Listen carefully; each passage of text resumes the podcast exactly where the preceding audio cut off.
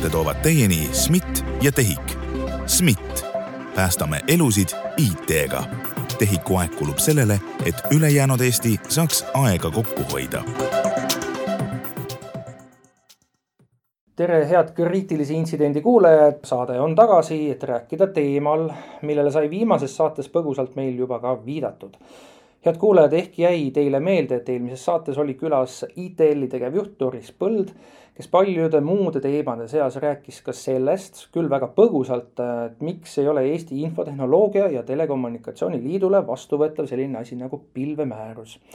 hea meel on tõdeda, et tänase saate külaline oskab äh, meile rääkida sellest pilvemäärusest lähemalt, kõigi erinevate tahkude alt, aga mitte ainult sellest, vaid veel väga paljudest muudest teemadest, mis on meie kõigi jaoks väga-väga olulised. saates on külas riigi küberturvalisuse poliitikajuht Liisa Past, tere. tere ja ilusat esimest septembrit, tarkuse kuu algus. jah, tõesti kõigile ilusat esimest septembrit ja ja vaikselt hakkab see sügis meile kätte jõudma, ehk siis teemad siin saates ka lähevad tõsisemaks mainin ära, ka mina olen endiselt saatejuht Roland Liive, aga ma tahtsin küsida alustuseks niimoodi. Te alustasite ametis riigi küberturvalisuse poliitika juhina umbes täpselt aasta ja mõni nädal tagasi. kuidas selle aja jooksul on läinud, mida te teinud olete Anna, äh, neiu number kaks, kust sa tuled ja anna aru, mis sa teed. Äh, see positsioon ja see osakond, minu tiim, meie põhiline ülesanne on tagada seda, et riigi siis selline strateegiline ja regulatiivne ruum oleks küberturvalisust soosiv ja edendav. mida see praktiliselt tähendab, on see, et seadused, määrused, strateegiad, riigi enda praktiliselt ka rahakulutus, eelarve juhtimissammud oleks võimalikult äh, seda kõike soosivad. seda, et Eesti oleks läbivalt küberturvaline ehk et infosüsteemide arenduste, kõige sellise juba disainimise, aga ka käitlemise ja lõpuks ka elukaare lõpus arhiveerimisel arvestataks äh, turvet. arvestataks seda, et need andmed, mis seal on, on turvalised, et süsteemid ja nende andmed on kättesaadavad neile, kellel on selleks õigus. ja neile ja selle, sellisel viisil ajal, nagu neil on selleks soovi sealjuures on hästi oluline, et Eestis riskijuhtimise ja siis turbemeetmete eest vastutab äh, ju süsteemi või protsessi omanik, kes tehnoloogiat kasutab. Äh, aga keskkond peab sellele järele aitama. kui ma ametisse astusin, nagu sa viitasid suhteliselt täpselt aasta tagasi, siis selleks ajaks oli olnud selline pigevat reageerimist nõudvat aega mõned aastad. ehk kõigepealt koroona, millega mitte ainult Eestis, aga kogu maailmas toimus väga kiire üleminek kaugtööle. sageli ka nendes kohtades, kus inimesed on harjunud noh näost näkku töötama ja kõik see, et kuidas me siis, kuidas me töötame endiselt ja teeme oma parimaid tööd kui sisu kui kõike seda kui enam ei saa kaitsta perimeetrit ehk enam ei saa öelda, et turvaline on see, mis toimub meie võrgus, meie seadmetes, meie ustest seespool. sest sa ei saa käia kontoris seadmetes ustest seespool. ja siis, kui tundus, et see nagu on maha rahunenud ja on leitud need turvalised kaugtööviisid. Äh, ja siis algas äh, Venemaa agressioonisõda Ukraina vastu. mis tähendab seda, et jällegi alates sellest, et äh, kuidas antakse, mis abi antakse Ukrainale, kuidas rakendatakse kaitsemeetmeid sellises teravnenud julgeolekuolukorras ka Eesti tähtsate teenuste, võrkude ja andmete vaates, seiret, kaitset, kõike sellist. kuni väga konkreetsete asjadeni. mina sellel hetkel olin siseministeeriumi IT-arenduskeskuse ehk SMIT-i äh, infoturbejuht ehk kõik siseturvalisuse, kaasa arvatud siis nii korrakaitse kui ka põgenike, pagulaste jaoks mõeldud infosüsteemid on ju SMIT-i arendatud ja käideldud. et kuidas see, kuidas seda hoida turvalisena ja nii, et võimalikult hästi kiiresti saab kõike teha. ehk et selleks hetkeks, kui mina saabusin, oli olnud pikemat aega reageerimist Äh, mis omakorda tähendab seda, et sellised kodu korrastamise asjad ja, ja sihi seadmise asjad on olnud meil kindlasti viimase aja kõige suurem äh, fookus. see, et äh, noh, need strateegilised ja normiraamid, äh, küberturvalisuse seadus kindlasti järgneva aasta ja kahekümne kaheksa, kui ma ei eksi, päeva jooksul peab saama uuendatud. sest et võrgu ja infoturbe direktiiv peab olema rakendatud siis järgmise aasta sügiseks. ja lisaks sellele Eestis kehtiv küberturvalisuse seadus ongi selline koolikka jõudnud. ta on esmakordne, esmakordne selline seadus, mis räägib, mis on infoturbe nõuded kriitilistes sektorites, elutähtsatele teenustele. Et ongi väga kohane vaadata seda normi üle. See on üks osa kodu korrastamisest, küberturvalisuse strateegia ehk see, mis ütleb noh, kuhu me tahame jõuda ja mis on selle teekaart, kuidas edukas küberturvaline Eesti välja näeb. et äh, see kindlasti on nendest poliitika juhtimise instrumentidest äh, oluline nüüd ma kuulasin seda juttu siin umbes täpselt, ütleme viis minutit ja see oli esimese aasta nagu selline kokkuvõte, et mida on tehtud ja kuhu me nüüd veel triivime. tundub, et seda tööd on väga palju. absoluutselt, kui tohid, kui lubad reklaamiminuteid äh, selleks, et tagada seda, et äh, noh, see regulatiivne ruum ja see keskkond, mis, milles me kõik elame, kõik ettevõtted, me inimestena. Et see oleks mitte ainult nagu juriidiliselt, noh, et poliitikas on kirjas, et peab olema turvaline, aga et see poliitika, mida me teeme, oleks ka tehniliselt rakendatav. mina tulen küll üsna tehnilisest taustast ja ja olen teinud need valdkonnaga sertifikaadi eksamid ära. aga ma hetkel just äh, värban äh, oma tehnikatiimi, et äh, kindlasti on ka sinu kuulajate hulgas neid, kelle peale ma saan loota, et nad hindavad, kas see, kuhu suunas riik liigub, on ka tehniliselt ja tehnoloogiliselt rakendatav. no aga kaevumegi siis kohe sinna sisse ära, et osakonna juhataja ja praegu ma vaatan MKM-i lehel on välja toodud, et osakonna, osakonda kuulub üks, kaks, kolm, neli, viis, kuus, seitse inimest? Äh, jah, meil on äh, veidi rohkem töökohti ehk täpselt need, mida me värbame täna juurde. ja mida need inimesed, kes praegu on seal ja need, kes juurde tulevad, mida nad reaalselt teevad siis kas, kas see on jälle see küsimus, et mida teeb ametnik? Teie töö kõrvaltvaatajana Äh, mulle, kes ma kajastan väga palju siin e-Eestis toimuvat, siis mm, tundub äh, üks selles mõttes huvitavamaid, et te saate ju reaalselt väga, väga palju mõjutada. et kuhu mhm. Eesti läheb, mis suunas me lähme ja mis suunas me ei lähe. et teie eelkäija äh, pani meile sellise nii-öelda keelu, millest on väga palju mitu aastat räägitud, et see, see ju väga palju määrab ära ühe või, või mitme ettevõtja tulevikust ja ka tegelikult siis äh, meie kodanike tulevikust, kes äh, kasutavad kõiki neid teenuseid, asju? et jälle see on sihuke su suure võrdluse küsimus, et kust otsast pihta hakkame. et äh, lõppkokkuvõttes täpselt meie tiim tagab seda keskkonda, milles kõik tegutsevad ja paljuski ka on siis äh, nagu innovatsioon ja turve käivad alati ju käsikäes, et kui üks jookseb eest ära, kui jookseb innovatsioon eest ära, siis lähevad kas andmed kaotsi või kukuvad teenused maha. ja kui turve jookseb eest ära, siis jälle innovatsioon nagu muutub kääbuseks. et, et see tasakaal on kokku meie töö. ja mida me oleme teinud, mõeldes järjest, kes, kes mu kõrval äh, istuvad paratamatult sul avalikus teenistuses on selline noh, korraldav, administreeriv, eelarve, protsesside roll, aga see on umbes üks inimene minu tiimist ehk vähem kui kümnendik äh,. siis viimase aasta jooksul me oleme teinud väga teadliku valiku, et me räägime enda jaoks hästi oluliste huvi- ja sidusgruppidega otse. ehk et selleks, et äh, küberturvalisuse strateegia, mille eesmärk on jälle öelda, et kuidas on Eesti läbivalt küberturvaline, kuidas see välja näeb mis on need vahendid, mis on need lähenemised, mis on need maamärgid, mille järgi me läheme. seda me oleme teinud äh, kaasavalt, me oleme istunud maas umbes viieteistkümnel korral keskmiselt kaks tundi korraga siis erinevate valdkondade, ka ministeeriumite, ka siis erialaliitude, organisatsioonide esindajatega. ja paljuski neid kuulanud nende ootust sellele, milline on küberturvaline Eesti ja põrgatanud oma dilemmasid, kasvõi selles, et kes, kus on vastutus inimese ära siis anna oma andmeid, kui sa tahad, nad lekiks, noh, mis on ebamõistlik, sest inimene ei kontrolli infosüsteeme versus nagu keskse käskimise või keelamise vahel.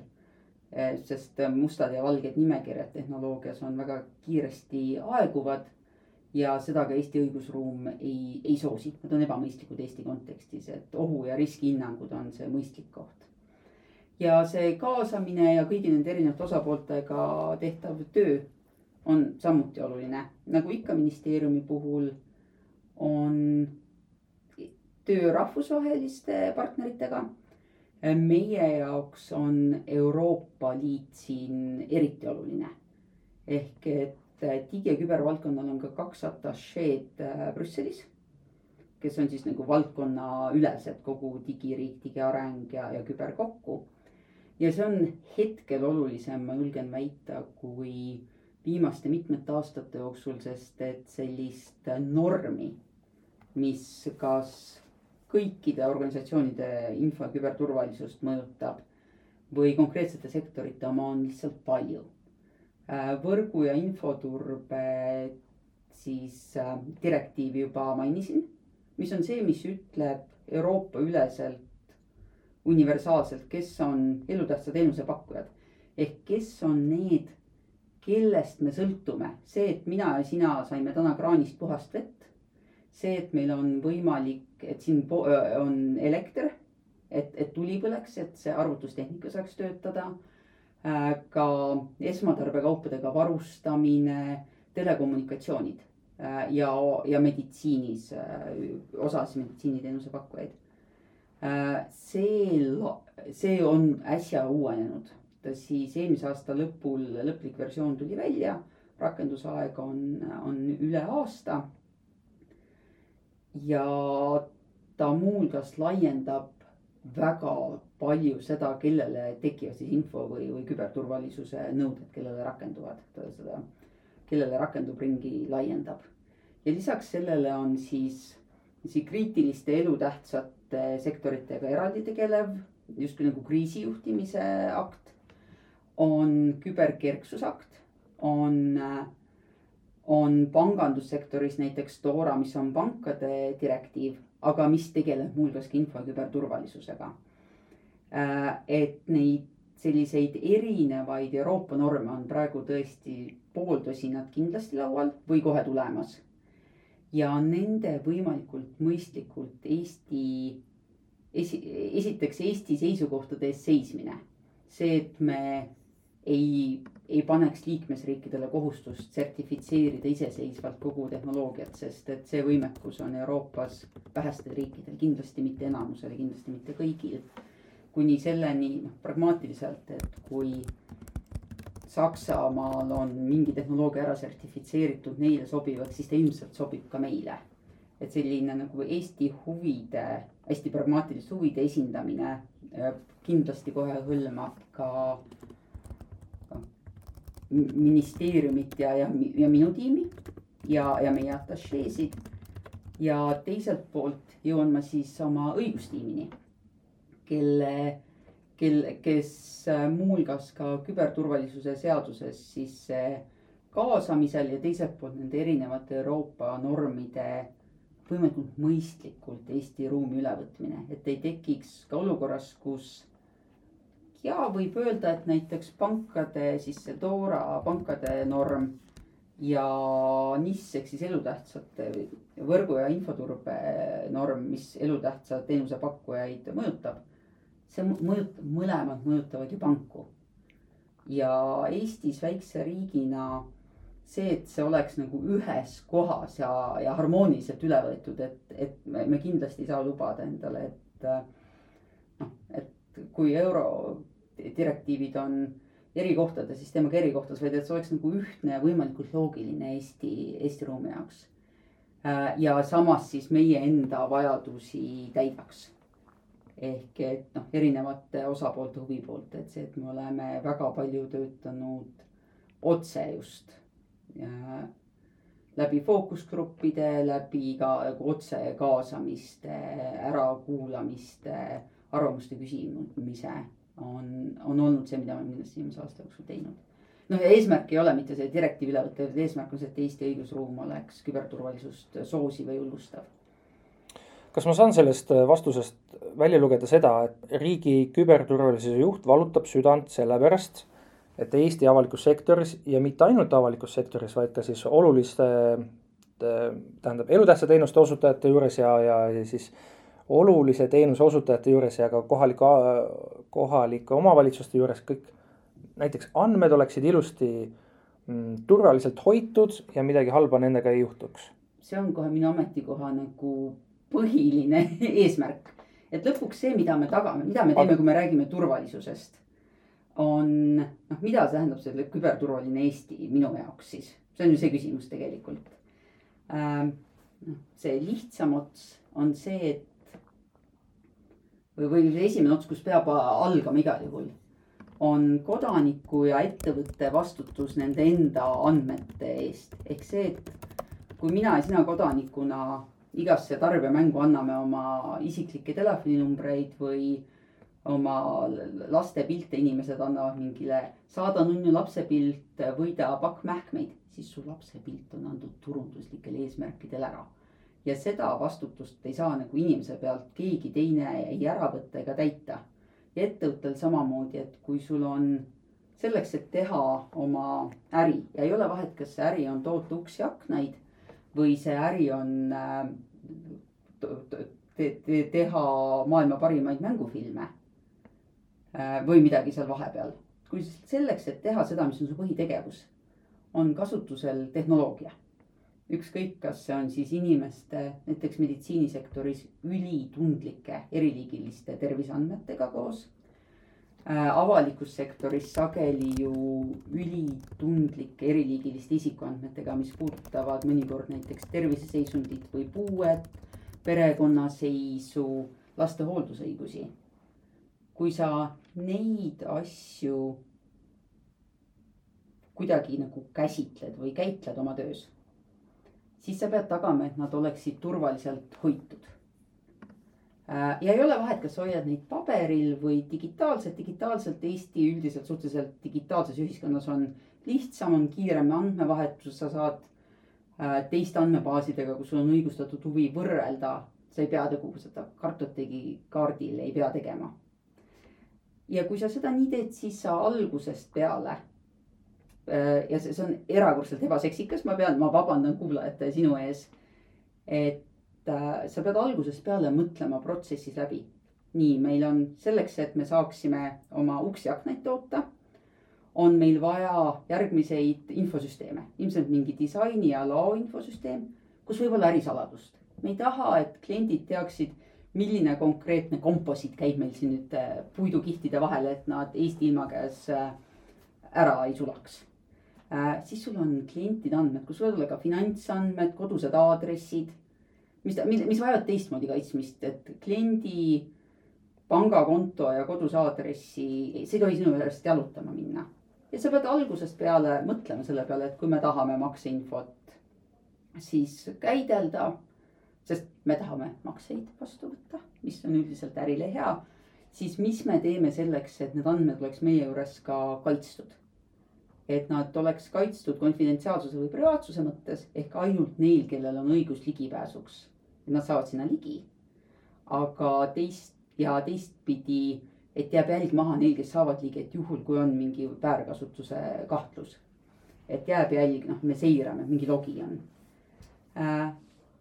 ja, ja kuidas me siis algusest peale infosüsteemi nii üles ehitame äh,. kuni selleni, et kogu siis nende andmete või infosüsteemide elutsükli jooksul. kellel on õigustatud ligipääs, kuidas me neid pääsuõigusi haldame.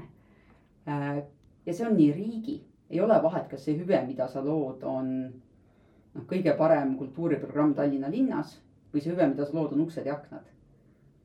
kui on abi IT-st selleks, et oma tööd teha, siis sa pead seda ka ära turvama äh, konfidentsiaalsusest me rääkisime, sa pead turvama seda, et need andmed oleks usaldusväärsed.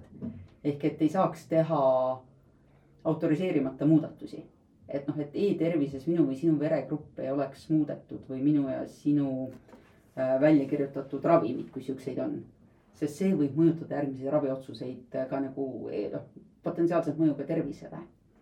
ja see, et neid saaks kätte sellisel viisil nagu on vaja, ehk mis on nagu käitlusnõuded kas ka siis, kui on süsteem üleval üheksakümmend üheksa koma üheksakümmend üheksa protsenti ajast, siis ta võib aastas kaheksa tundi maas olla.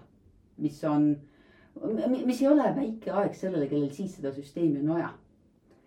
ehk et see on nagu üks on see, et see süsteemi omaniku vastutus, aga siis tekivad mitmed küsimused, et siis see on see nagu see küberturvaline organisatsioon või infosüsteem või infoturvaline.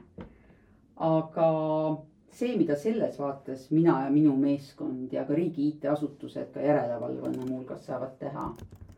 on ju see, et väga selgelt öelda välja, kuidas hea välja näeb. mis on need, äh, kas siis, mida ei tohi juhtuda, noh andmed ei tohi lekkida või mis peab juhtuma, ehk et andmed peavad olema kaitstud. või süsteem ei tohi maas olla, süsteem võib maas olla kuni nii kaua.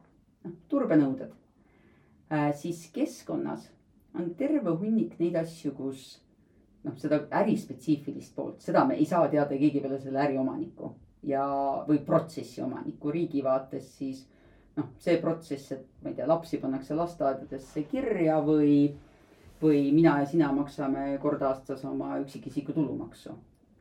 Äh, seda vastavalt siis teavad siis vastavad äh, sotsiaal- ja kohaliku omavalitsuse üksused või Maksu- ja Tolliamet ja tööandjad äh, ja aga, aga kui see kõik on siis selle äriomaniku peal, siis järgmine sama oluline samm on see, et kesksed teenused oleks turvalised ja oleks või siis, et oleks kesksed turbeteenused. mida see riigis tähendab, on see RIT-i, riigi keskse IT-asutuse juurde kõige universaalsema otsa konsolideerimine. töökohad äh,, andmemassiivid Äh, see tähendab seda, mida teeb RIA küberturvalisuse keskus ehk selle meie ühise nagu punkt E domeeni seire ja seal intsidendi haldus ja ennetus. Äh, ja see tähendab ka keskseid äh, selliseid nõuandeid. sest lõpuks nagu väga, väga õigesti ka on organisatsioonid ja, ja erinevad ministeeriumid tähelepanu juhtinud. me kõik kasutame väga sarnaseid või samu lõppkasutaja seadmeid, me kõik kasutame mingil viisil kontoritarkvara. ja seal mina või minu tiim või, või järelevalvena Riigi Infosüsteemi Amet ei saa teada, mis andmeid kasutatakse, mis andmeid näiteks emailis kasutat-, tavaliselt saadetakse. aga me saame teada, kuida-, me saame anda üldiseid juhiseid, et kuidas näiteks emaili puhul riske juhtida et see on ja siis see, see, see, need on need asjad, mis on nagu keskkonnas ja see, mida unikaalselt saab teha ainult minu tiim, on siis seda kõike soodustav keskkond, strateegiline ja, ja õiguslik, see poliitiline, poliitika keskkond, poliitikaloome keskkond ma küsin nüüd ühe väga lihtsa küsimuse, millele võib lühidalt vastata ka, ma rõhutan seda ära märgi. et eh, kas Eesti on praegusel hetkel küberturvaline? kaheosaline lühike vastus sada protsenti mitte kunagi. ja kui keegi tuleb siia saatesse ja väidab sulle, et on sada protsenti turvalisus, siis ta kas, noh, ta kas valetab või on kriminaalne või kriminaalselt valetab. sa, kogu meie režiim on riskiteadlik tehnoloogiaotsuste juhtimine, riskijuhtimine äh,. aga me oleme mitmes asjas paremas vormis kui keskmine Euroopa või läänemaailma riik. Äh, muuhulgas see, et meil on suhteliselt digitaalne ühiskond ehk see, mis teeb ühtepidi nagu ründepinna laiaks. aga teistpidi meil on kasutamisharjumus ja, ja sealt tulenev ka kogemus, et kuidas siis hea ja turvaline välja näeb või kuidas seda teha. see, et noh, täpselt, et su arendusmudelis peab olema turbe ja infra ja noh, mitte ristfunktsionaalsed nõuded, mitte funktsionaalsed ehk mida süsteem teeb. aga rist või mittefunktsionaalselt ehk kuidas ta seda teeb. mitte andmeid kaotades, mitte vahepeal maas käies äh,, tur- äh,, konfidentsiaalsust säilitades. ja meie üldine ruum nii hügieeniteadlikkuse mõttes, et äh, kui selle, kui, kui hea käitumise võimaldajate mõttes on üsna hea, et meil keskne inime-, Eesti inimeste identiteedirisk on, on keskselt ID-kaardi peal näiteks. mis tähendab seda, et iga, ükskõik jälle, kas sa oled pank või online pood või kool, kellel on e-kooli süsteem ja selle pakkuja ei pea mõtlema, kuidas eraldi inimeste identiteete ja pääsuõigusi juhtida. just nagu klientide ja, ja inimeste kodanike omi, mitte oma töötajate omi. et see on keskselt olemas. Ähm, meil on võrreldes näiteks Ameerika Ühendriikidega need elutähtsa teenuse osutajad määratletud ja nad on sellest teadlikud. Ähm, minu Ameerika kolleegilt sageli, kui ma viimase aasta jooksul olen küsinud, et noh, mis te teete, siis äh, nende uue nüüd mõnda aega tagasi vastu võetud küberstrateegia keskne osa on see, et on määratletud, kellel on justkui tähtsam roll turvalisuse tagamisel, mis Eesti mõttes on elutähtsa teenuse osutajad seaduses ikkagi juba päris mõnda aega olemas ja kogu Euroopas olemas. et ähm, me oleme üle keskmise. Aga me ei tohi minna ülbeks sest et maailm liigub kindlasti kiiremini, kui meie liigume, alati.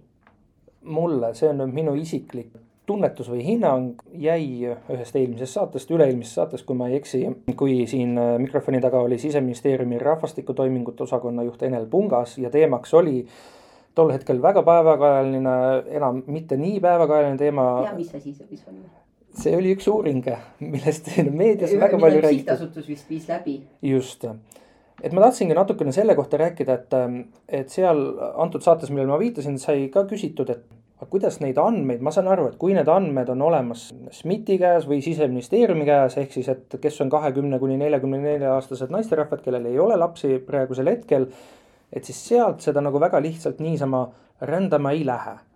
küll oli see, et praegu siis tehti üks teadusuuring ja need andmed saadi kätte ja need andmed on nüüd kuskil antud saates ma küsisin Enel Pungase käest, et aga kuidas nad tagavad selle, et need andmed, kui need on juba väljastatud rahvastikuregistrist, et need oleksid nagu turvatud ja hoitud.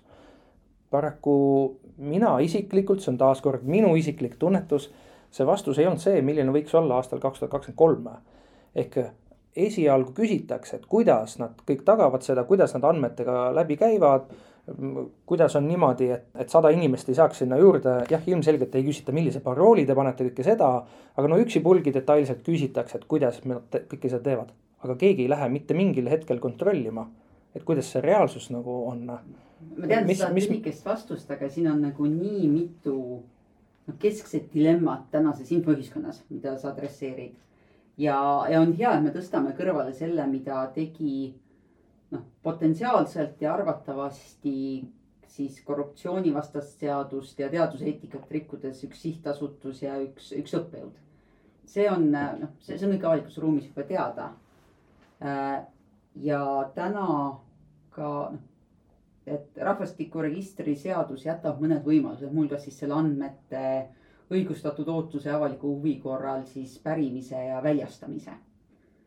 ja, ja siin on esimene hästi keskne teema, mis, kus täna kindlasti ei ole ei mul ega sul ega ka, ka SMIT-il või, või siseministeeriumil ja tema rahvastikutoimingute professionaalidel õiget vastust. aga selgelt oli näha, et see, mis on kirjas rahvastikuregistri seaduses ja tema siis määrustes ja see, milliseid päringuid sealt tehakse selle alusel.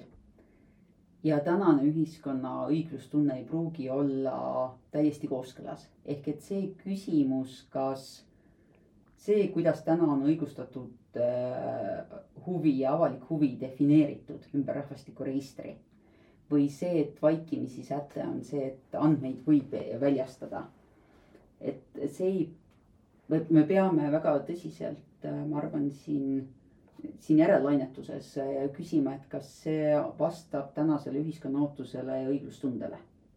ja noh, sest see, need on selle ühiskonna liikmed, nende inimeste andmed, keda seal väga kõrge ootusega usaldusele käideldakse.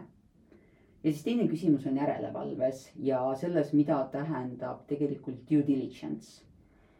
et eks me teame, et mida siis sinu kolleeg AK-st, Merilin Pärli on ka väga selgelt lahti kirjutanud, et rahvastikuregister ka kontrollis, et on olemas leping Tartu Ülikooli ja siis selle sihtasutuse vahel.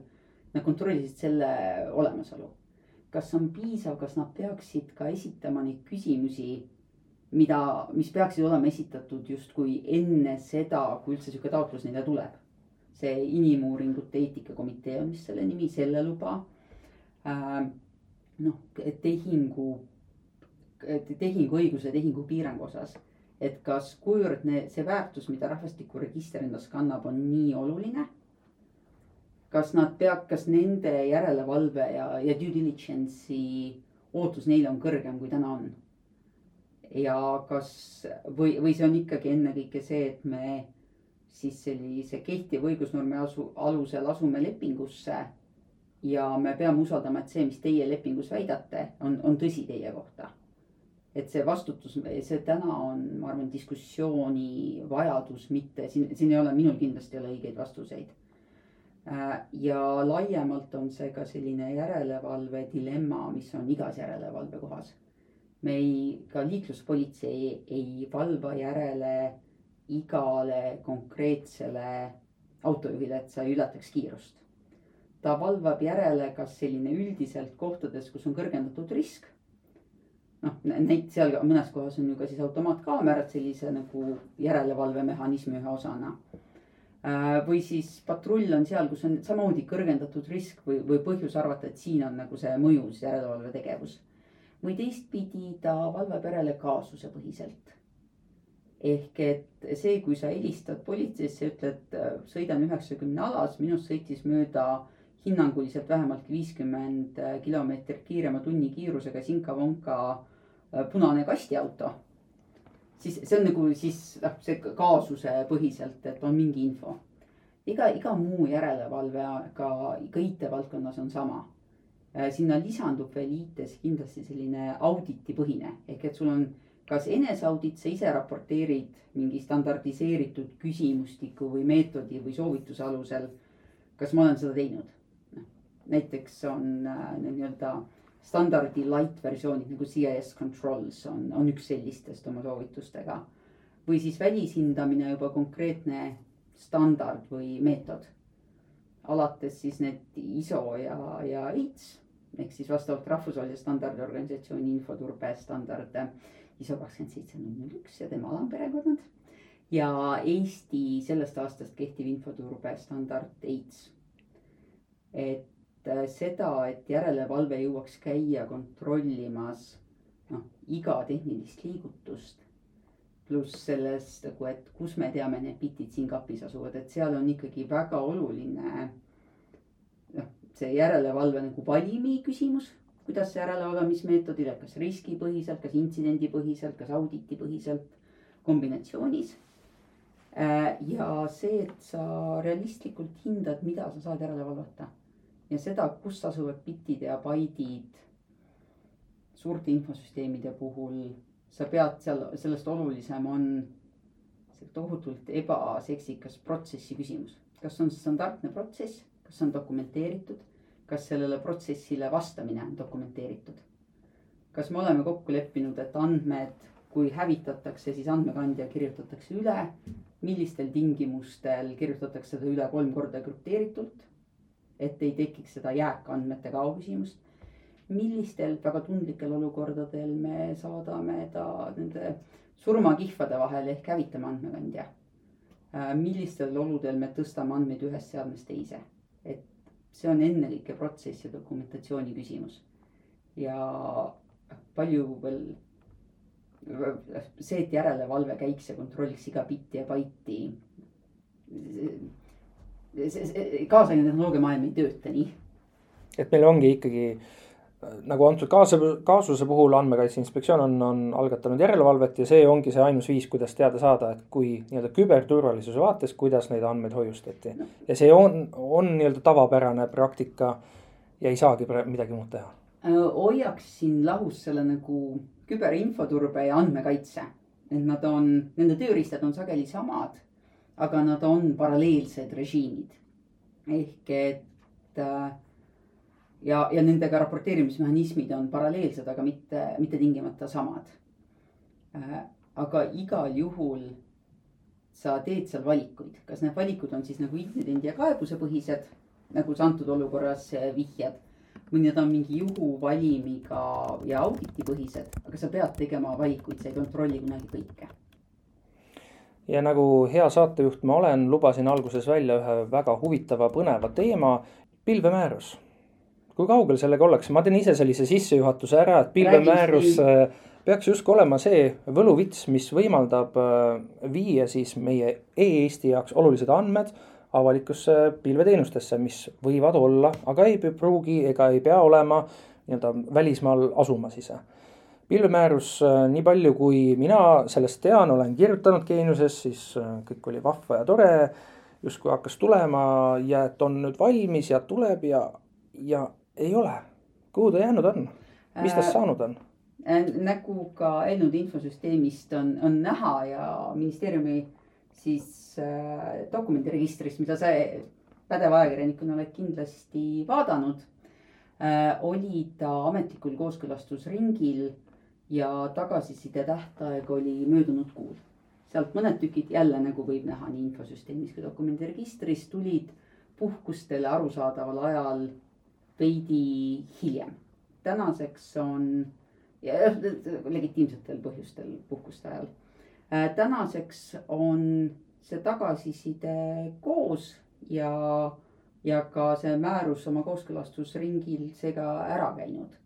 sealt mõnda otsa me sätime, mõned osapooltega me istume ka maha, aga oluline on meeles pidada, mida see määrus teeb. ta on oma olemuselt selline juhendav ja kaasaaitav äh, siis vahend selleks, äh, kuidas riik ise, need, kes töötlevad avalikke andmeid, äh, saavad minna pilve.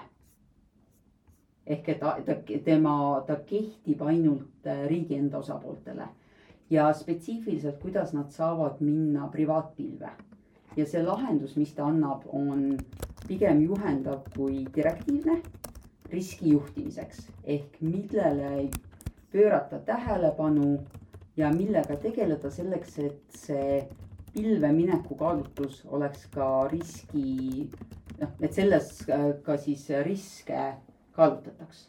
sealjuures on, on terve hulk riske, mis on tõesti, kui su andmed lähevad sinu enda perimeetrist välja. aga ka terve hulk riskimaandust sellega, et sa ise ei pruugi alati olla ka kõige parem näiteks andmekeskuse pidaja. Äh, sul ei pruugi olla sinu andmekeskustel piisav toimepidevus võrreldes mõne suurkorporatsiooniga. ja ta kehtib selles kohas, kus minnakse siis erapakkuja pilve. ehk et, äh, mille mõte on see, et kui riigis tekib keskne nii-öelda pilveturuplats, siis see turuplatsi pakkuja teeb selle hindamise ära ja tema siis see, kes siis sealt pilveturuplatsilt ostab, et tema ei peaks tegema seda uuesti, et vältida topelttööd sisuliselt. ega see nagu tähendabki see kriitika, viimane kriitika, mis oli, oli just see, et te justkui nii-öelda sõbralikult äh, lükkate kõik kasutama riigipilve. see absoluutselt ei ole sellist asja seal kirjas. seal on kirjas, et minnes esiteks, et minnes äh, siis kommertspakkuja pilve tuleb riske juhtida. just ehk, ehk, ehk maakeeli. riigipilve kui... puhul tuleb samamoodi riske juhtida, see tuleb juba standardist ja headest infoturbe juhtimise praktikatest. Äh, ja teiseks riigipilv ei tähenda antud kontekstis ju mingit riigi peetud pilve äh, ja riigi käideldud pilve, vaid riigipilve elemendid võivad olla ka siis erapakkuja teenused. ehk et äh, see on. kas siin ongi siis midagi tõlkes kaduma läinud, sest et kriitikat, mida tuli väga mitmelt osapoolelt, oligi see, et.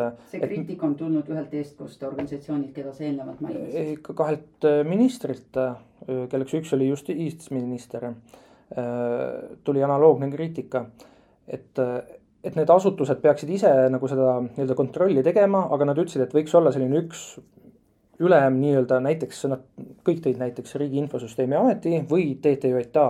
kas siis nüüd ongi see, et lahendus on see, et äh, RIT, kes siis riigipilve haldab, et nemad oleksid see, kes teeb neile avalikele pilvedele nii-öelda kontrolli ära, kas need sobivad, kui nemad ütlevad, et see sobib. sellele, mida nad ise pakuvad. see määrus juhendab seda, kui minnakse seda kohta, kus minnakse siis erapilve.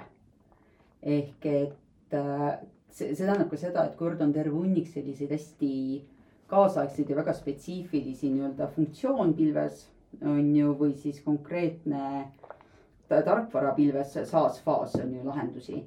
siis äh, selleks, et seda kasutada, pead sa tegema mingi teadliku tehnoloogia juhtimise otsuse. Äh, neid äh, väga spetsiifilisi funktsioone tõenäoliselt keskelt pakutakse ka nagu pikemas tulevikus on, on suhteliselt väike, sest neid on lihtsalt nii palju. et keskel saab teha ära selle pihta hakata universaalsemast otsast.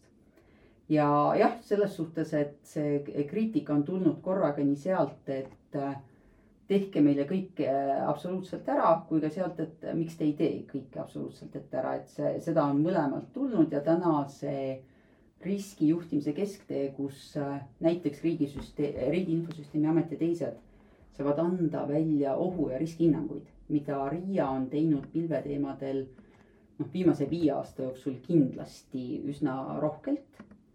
Äh, mis ütlevadki jälle see, kust me alustasime mingis mõttes, et see, kus kohtub universaalne tehnoloogia, pilveteenuse pakkuja, tema ja siis ka tema usaldusväärsus ja kõik selline ja sinu konkreetsed andmed ja nende ärikriitilisus.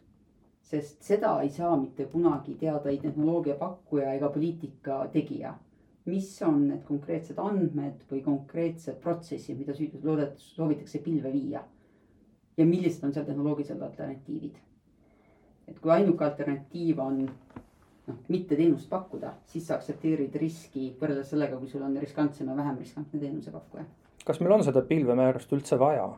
Ehk kas meil on keegi juba privaatpilve kolinud, hoolimata sellest, et pilvemäärust ei ole? Äh, tänane ruum ei keela pilvekasutust. Äh, nii et on..., äh, nii et kui linna peal räägitakse juttu, et nii-öelda fooritule loogikat kasutades punane tuli ei põle, roheline ka päris mitte, aga noh, selline vahepealne, selline ma, kollakas oranž on. ma, ma, ma ei ole kindel, et ma saan metafoorist aru ja ma, ma ei ole kindel, et ma saan aru, mis on punane antud olukorras äh,. täna igaüks, kes pakub mingit tehnoloogilist teenust või kasutab tehnoloogiat enda noh, põhitegevuse toetusel või läbiviimisel. peab arvestama riskidega. see konkreetne määrus ütleb riigi osapooltele, äh, kes on selgelt öelnud, et nad tahaksid, äh, noh eriti need, kes ei ole väga kogenud riskijuhid, äh, et nad tahaksid sellist aru saada, kuidas võiks nagu hea või mõistlik välja näha ütleb, kuidas see hea või mõistlik välja näeb. millal see kolmas, neljas, mis iganes, mitmes versiooni number tal nüüd on juba pilvemäärusele, millal see valmis saab? mina olen ühe, ühega töötanud selles suhtes. ma mäletan meie vestlust, see oli vist möödunud aasta lõpus või selle aasta alguses umbes niimoodi, et siis oli jutt, et pilvemäärus läheb äh, liberaalsemaks ja seda ta on kindlasti võrreldes selle nagu tajuga, et riik keskselt ütleb, mida tohib või ei tohi teha täna me ütleme, et sa vastutad riskide juhtimise eest ja siin on see, juhul kui sa ei ole kogenud riskijuht, kuidas, äh, kus sa võiksid alustada, et seal on ka lisad, mis annavad sellise noh, küsimustiku. et noh, täpselt hinda, mis andmed on, hinda nende kriitilisust, hinda konkreetset pakkujat ja tema usaldusväärsust, hinda alternatiive, sellised hästi klassikalised, kust alustada riskijuhtimist ja kindlasti võrreldes selle varasemate soovidega ka sellise nagu range rusika järgi. et äh, riigil ja poliitika tegijana meil ei saa olla seda ülbust, et öelda, et meie teame, mis iga konkreetse protsessi omaniku jaoks on kõige õigem. aga me saame öelda mis on mõistlik nagu viis turvet teha. Ja siis saab ja eriti siinkohal on siis Riigi Infosüsteemi Amet ja tema küberturvalisuse keskus välja anda ka parimaid võimalikke soovitusi mis on praegu Eestis küberturvalisuse vaatest need kolm peamist murekohta, millele peaksid näiteks poliitikud või tavakodanikud, ametnikud tähelepanu pöörama? Nüüd lähme selliste, olles läinud väga detaili, lähme põhimõtteliste inspireerivate küsimuste juurde ähm,. number üks küsimus minu jaoks on kindlasti selline üldisem IT kaasajastamine. et siin viimase umbes tunni jooksul oleme me ju väga pikalt ja korduvalt oleme öelnud, et selline noh, riskijuhtimine, protsess, ettenähtav, arusaadav, dokumenteeritud. aga seda on väga palju lihtsam teha ja rakendada, eriti just praktiliselt rakendada, mitte kirja panna äh,. tehnoloogiaorganisatsioonis, kus on üldiselt küps protsess. ehk et kui me ütleme, et turve on läbiv, ta peab olema horisontaalne, ta peab olema infosüsteemi või andmete elutsükli algusest lõpuni ehk ideest ja ja visioonist ja nõuetest kuni siis arhiveerimiseni. siis on seda väga palju raskem teha siis, kui sul ei ole elutsükli mudelit. Ja kui sul on arendusmudel, elutsükli mudel, kus siis saab öelda, et siin on nüüd selle, siin me räägime taristust, siin me räägime disaininõuetest, siin me räägime kasutajamugavusest ja siin me räägime ka turvalisusest. siis see on kindlasti number üks, et turvalisus saab olla ainult veidikene parem kui üldine tehnoloogia juhtimise, tehnoloogia otsust, juhtimisotsuste tegemise protsess. Ehk et, et see on minu jaoks number üks. turvalisus ei saa eest ära joosta üldiselt IT-lt. ja number kaks on, on inimene. et lõpuks see noh, see tooli ja monitori vahel ükskõik kui keeruline on tehniline rünne, inimese kompromiteerimine on reeglina lihtsam. Ja inimesel, seega inimene peab saama aru, mis on tema riskiprofiil. seda, kas ta on, tema või tema andmed on, võiksid olla sihtmärk. ja selle kõrval kõik muu, need siuksed, need suured, et Eesti e-riik või see, et me oleme alati ründepind ja kõik on ründepind, need vastused see on minu, see on nii iseenesestmõistetav tegelikult. Eesti on olnud aastast kaks tuhat selge maailmas esimene, kes ütleb, et kogu meie eluviis on ründepind ja seega see peab olema ka läbivalt turvatud. ja, või, või see, et need kasvõi need Ukraina ja, ja siis Vene sõja kontekstis Ukraina vastu tulnud teenustõkestusründed. Eesti oma põhilisele sajale teenusele sai päris hea keskse kaitse peale. mis on noh, ka siin viimastel aegadel on pigem mõju olnud siis ka kasvõi avalikele veebilehtedele äh, minutites, mitte tundides või päevades. et see nagu, see on iseenesestmõistetav. keskne on IT moderniseerimine koos turbega osa sellest sest kolmkümmend aastat olles juhtiv eh, digiriik olnud paratamatult, sul hakkab tekkima pärandit. ja teiseks inimene. Praegu ei kõlanud sellist asja, mida ma lootsin või eeldasin, tähendab, vabandust, on õige sõna. et mis käib läbi, on, on meie selline nii-öelda ühendatavus üldse, digitaalne ühendatavus siis maailmaga see on et... selle IT üks osa või eeldus, absoluutselt, et see, see on üks osa sellest kindlasti. tahtsin oma küsimusega jõuda natukene sinna, et kas Eesti mõtleb praegu selle peale, kuidas nii-öelda siis füüsiliselt turvata näiteks neid äh, merealused sidekaableid, mis meil on, mis meid hoiavad kogu ülejäänud maailmaga ühenduses. sest kui need ära kukuvad, siis kukub ju suure tõenäosusega meie kogu see uhke e-Eesti ka kokku äh,. sidekaablid, sidekaablite eksperdid kindlasti on paremad kui mina Eestis olemas. ja ka noh, täpsemalt nii kompetentsi kui vastutuse mõttes, et äh, see, see kindlasti ei ole mina see kõige, teised annavad paremaid vastuseid. Ähm, õnneks on meil neid mitmeid ja nad on erinevate omanike omad. Äh, küll aga, äh, et eriti Nord Streami sabotaaž tuletas meelde, et reaalne oht siis kaablite sabotaažiks on risk, millega peab arvestama. ja selle võimalikke lahendusi alates siis satelliitsidest, kus kõik noh, kommertsvaldkonnas kõige atraktiivsem hinna vaates ja, ja ka saadaolevuselt, eks kuulub jälle kuulsusrikkalt volatiilsele omanikule äh,. kui ka see täna kehtiv nõue, et elutähtsad teenused peavad suuta suutma toimida ka ilma välisühenduseta, ilma selle avalikus kaablis jooksva välisühenduseta. ja need on need kaitsemeetmed, mis meil on täna paigas ma siis lõpetuseks küsin küsimuse, millele kohe kindlasti riigi küberturvalisuse poliitika juht oskab ja saab vastata. kas Eesti peaks jõulisemalt sekkuma teatud riikidest pärineva riist- ja tarkvara kasutamise piiramisele, nii nagu me oleme teatud riist- ja tarkvara puhul seda juba teinud? see on oluline osa riskijuhtimises ja see on oluline osa riskijuhtimises sellepärast, et siis mittedemokraatlikes ja mittevabades riikides on valitsusel ja tema agentuuridel, kaasa arvatud äh, luure ja julgeolekuagentuuridel õigus sekkuda ettevõtlustegusest äh, tegevusse ja õigus nõuda endale andmeid või seal võib juba olla selline mehhanism olemas. see on see, miks me sellest räägime, eks. Äh, ja nendest riikidest samas, eks noh, Hiinas luureseadus kohustab Hiinas tegutsevatel ettevõtetel tegema keskvalitsuse luurega koostööd. Hiinast tuleb suur osa tehnoloogiat. Ähm, see on riskijuhtimise küsimus nagu iga teine. Äh, olukorras, kus sul on valik, äh, kas sa, kas sul on Hiina tehnoloogia või mitte tehnoloogia, see on väga erinev olukord sellest, kus sul on, on ju viis-kuus tehnoloogia valikut, millede hinnavahe on võib-olla kümme protsenti.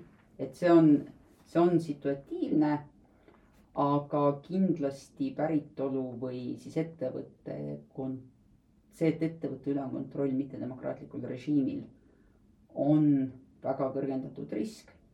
sisuliselt Vene Föderatsiooni tooteid ju ei kasutata enam. nii et me peaksime, okei okay,, me ei kasuta seal Venemaal toodetud asju, Hiinas me ka nüüd vähemalt nii-öelda oma, oma sidevõrkudes ei kasuta, aga sellist igapäevases kasutuses võib ikkagi olla kas, kas me näeme varsti, saame lugeda uudis, uudistes, kuidas, kuidas siis Liisa Pasti juhtimisel on pandud keeld, et vot selle seadme tootja nutitelefone, tahvelarvuteid ei tohi enam Eestis kasutada? täna töös sellist ei ole, aga teiselt poolt see on midagi, mida noh, see on on väga suur vahe, kas näiteks valvekaamerad on hea näide, kus on ja, ja palju parem näide, üks kõige paremaid näiteid, sest et sageli valvekaamerad tulevad siis koos juba mingi infoedastusplatvormiga. ja on väga suur vahe, kas esiteks on see siis Hiinas toodetud valvekaamera, teiseks, kas ta on nii-öelda Hiina ettevõtte ja läbipaistvatu juhtimise omanike struktuuriga ettevõtte toodetud. kolmandaks, kas see andmeedastus käib läbi teadmata teede ja serverite, mis võivad potentsiaalselt asuda Hiinas ja kus asuvatel asjadel me teame, et võidakse kohaldada ja on olemas mehhanismid, et kohaldada sanktsioone. või sa saad ta nii seadistada, et ta edastab seda otse sulle. see on siis see üks pool, see tehnoloogia pool ja teine on selle kaamera kasutus. on ka päris suur vahe, kas see on nii-öelda kakukaamera, millega me vaatame kõik, kas merikotkal on pojad väljas mida, mis Eesti riigi julgeoleku seisukohast on ehk väiksem risk, kui see on valvekaamera mõnes asutuses. head kuulajad, nagu te saate ajalooliselt kõige pikemast kriitilise intsidendi osast aru, siis juttu jätkuks meil siin kauemaks. teeme jälle. Teeme jälle ja laseme siis äh, riigi küberturvalise poliitika ju, juhil Liisa Pastil teha nii mõned kuud, pool aasta, no vaatame, kui kaua tööd saab, saab teha. pikemalt ei tahaks vahet jätta. ja siis kutsume ta tagasi stuudiosse ja vaatame, mis juttu ta siis räägib. kas, kas see sisu on muutunud või ei ole või on jäänud endiseks. suured tänud saatesse tulemast, suured tänud saadet kuulamast, mina olen saatejuht Ronald Liive ja kohtun teiega juba uuel nädalal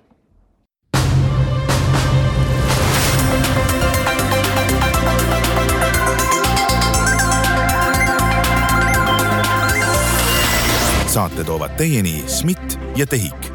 SMIT, päästame elusid IT-ga. TEHIK-u aeg kulub sellele, et ülejäänud Eesti saaks aega kokku hoida